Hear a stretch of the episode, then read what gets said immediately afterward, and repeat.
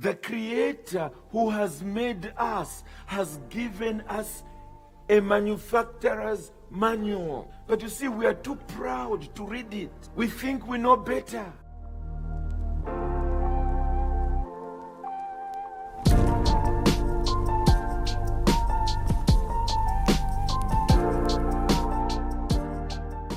And for minutes that goes on, where he said that uh, he cannot breathe.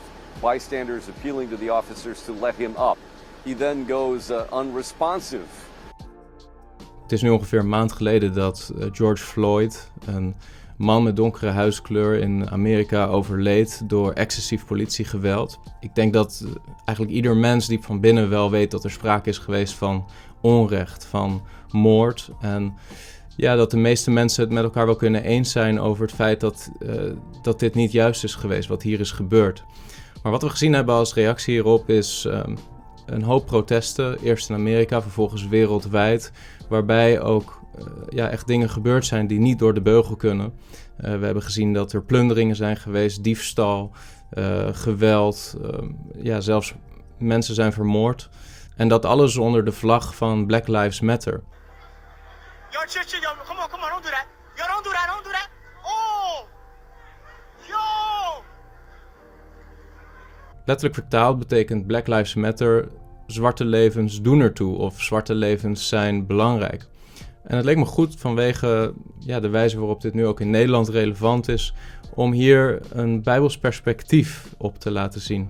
Black Lives Matter is overigens zowel een organisatie als een slogan. En het is dan ook belangrijk om aan allebei die elementen aandacht te besteden. Maar voordat we kijken naar Black Lives Matter, is denk ik goed om ook te kijken: past racisme in een bijbels-christelijk wereldbeeld? Weet je, uh, als je een christelijk perspectief hebt op de mens, dan zul je zien dat racisme daar totaal geen plaats in kan hebben. Een consistent christen, een christen die zijn leven wil leven volgens de Bijbelse principes, kan niet racistisch zijn zonder dat hij inconsistent wordt.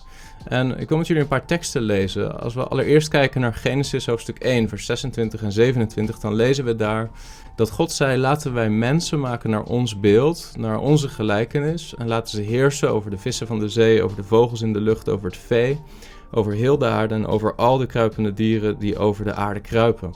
En God schiep de mens naar zijn beeld, naar het beeld van God schiep hij hem, mannelijk en vrouwelijk schiep hij hen.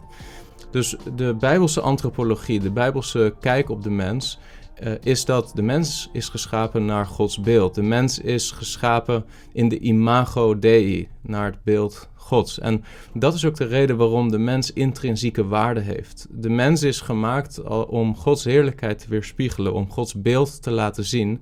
En God ziet de mens dan ook als de kroon van zijn schepping. En wat de Bijbel leert is dat alle mensen uiteindelijk afstammen van Adam en Eva. Dus of, dat je nou hebt over Afrikanen, Caucasiërs, Aziaten uh, of Joden. Uh, wat voor mensengroepen dan ook, uiteindelijk stammen ze allemaal af van Adam en Eva. De Bijbel beschrijft hen ook dan als volken. Het zijn verschillende volken, niet verschillende rassen. Uh, het zijn verschillende etniciteiten. Etniciteit is een woord wat komt van het Griekse woord ethnos en dat betekent ook wel volk. Ieder mens is geschapen naar Gods beeld. Of dat je nou uh, zwart bent, blank bent, Chinees bent, uh, het doet er niet toe in bijbelse zin. Ieder mens is in gelijke mate waardevol en in gelijke mate geschapen naar het beeld van God, in de imago Dei. En om die reden heeft ieder mens intrinsieke waarde. De mens is dus niet zomaar een soort willekeurige samenklontering van materie. Als we lezen in Psalm 8, vers 4 tot 7, dan lezen we daar: Als ik uw hemel zie, het werk van uw vingers, de maan en de sterren, die u hun plaats gegeven hebt, wat is dan de sterveling dat u aan hem denkt, de mensenzoon dat u naar hem omziet? Toch hebt u hem weinig minder gemaakt dan de engelen en hem met eer en glorie gekroond. U doet hem heersen over de werken van uw handen. U hebt alles onder zijn voeten gelegd. Zie je, de psalmist zegt: Wat is de mens? Wat is de sterveling dat u aan hem denkt? En de mensenzoon dat u naar hem omziet? Wat hij hiermee eigenlijk zegt is dat God denkt aan de mens. En God ziet om naar de mens. Daarmee zegt de psalmist dat de mens intrinsieke waarde heeft, omdat God de mens als zodanig ziet. Dat heeft niks te maken met huiskleur of tot welk volk jij behoort. Ieder mens is in gelijke mate waardevol op basis van het feit dat hij geschapen is naar het beeld van God. Tegelijkertijd leert de Bijbel dat alle mensen in Adam in zonde zijn gevallen. Wat belangrijk is om te zien is dat in het Oude Testament er vooral onderscheid wordt gemaakt in Jood en niet-Jood. Alle volken anders dan het Joodse volk werden gezien als heidenen. En er zit dan met name een onderscheid als je de Bijbel leest tussen de Jood en de niet-Jood. Maar in het Nieuw Testament zie je dat dat onderscheid in Christus weggevallen is. In Romeinen 3, vers 9 tot 11, daar zegt Paulus: Wat dan wel? Zijn wij voortreffelijker? Beslist niet. Wij hebben immers zojuist en Joden en Grieken, dat wil zeggen heidenen, beschuldigd dat zij alle onder de zonde zijn. Zoals geschreven staat: Er is niemand rechtvaardig, ook niet één. Er is niemand die verstandig is, er is niemand die God zoekt. Met andere woorden, alle mensen hebben gelijke waarde voor God op basis van het feit dat ze alle geschapen zijn naar Gods beeld. Maar tegelijkertijd zijn ook alle mensen in gelijke mate zondaren en staan ze veroordeeld voor een heilig God. Zowel de Jood als de Griek, zowel de heiden als de Israëliet. Allen hebben gezondigd en staan daardoor ook schuldig voor een heilig God. We hebben allemaal hetzelfde probleem. Maar gelukkig is er een oplossing gekomen in het evangelie van Jezus Christus. De Bijbel zegt in Johannes 3, vers 16, want zo lief heeft God de wereld gehad, dat hij zijn enige geboren zoon gegeven heeft, opdat een ieder die in hem gelooft niet verloren gaat, maar eeuwig leven heeft. En wat hier belangrijk is, is dat er expliciet staat, want zo lief heeft God de wereld gehad. Voor de Joodse lezer was de betekenis van de wereld in die context vooral het feit dat het niet alleen voor de Jood was, maar ook voor de heiden. Al zo lief heeft God de wereld gehad. God heeft zijn kinderen onder alle volken, onder alle stammen, onder alle talen, uh, bevinden zich kinderen van God. Mensen die in Christus zijn op grond van hun geloof in Christus. En dat lezen we dan ook in Openbaringen 7, vers 9, waar de apostel Johannes een visioen krijgt van de situatie in de hemel. En dan schrijft hij daar: Hierna zag ik en zie een grote menigte die niemand tellen kon, uit alle naties, stammen, volken en talen stond voor de troon en voor het lam, bekleed met witte gewaden en palmtakken in hun hand. En ze riepen met luide stem: De zaligheid is van onze God die op de troon zit en van het lam.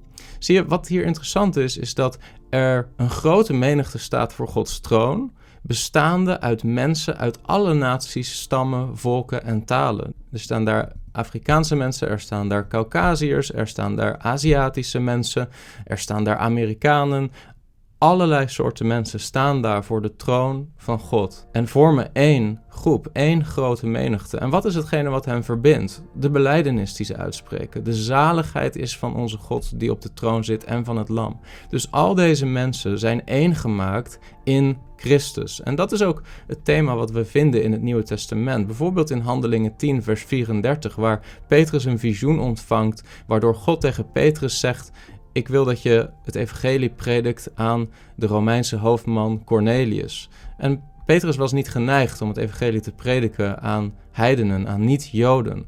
Maar God laat zien door middel van een visioen dat dat precies is wat Petrus wel moest doen.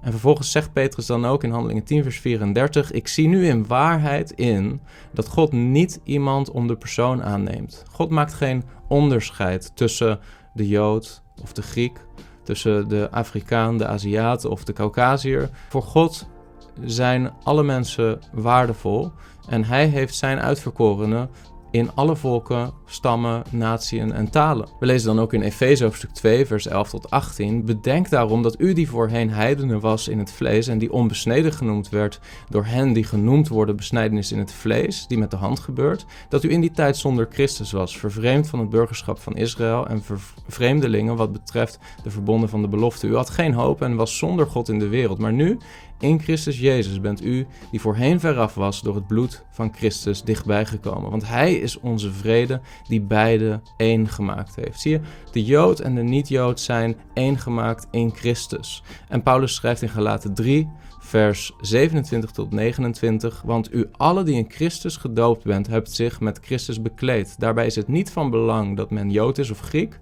Daarbij is het niet van belang dat men slaaf is of vrije. Daarbij is het niet van belang dat men man is of vrouw. Want allen bent u één in Christus Jezus. En als u van Christus bent, dan bent u Abrahams nageslacht overeenkomstig de belofte erfgenamen. Zie je, God verlost mensen uit alle volken zonder onderscheid te maken op basis van huidskleur. Alle staan ze als één volk voor de troon van Christus.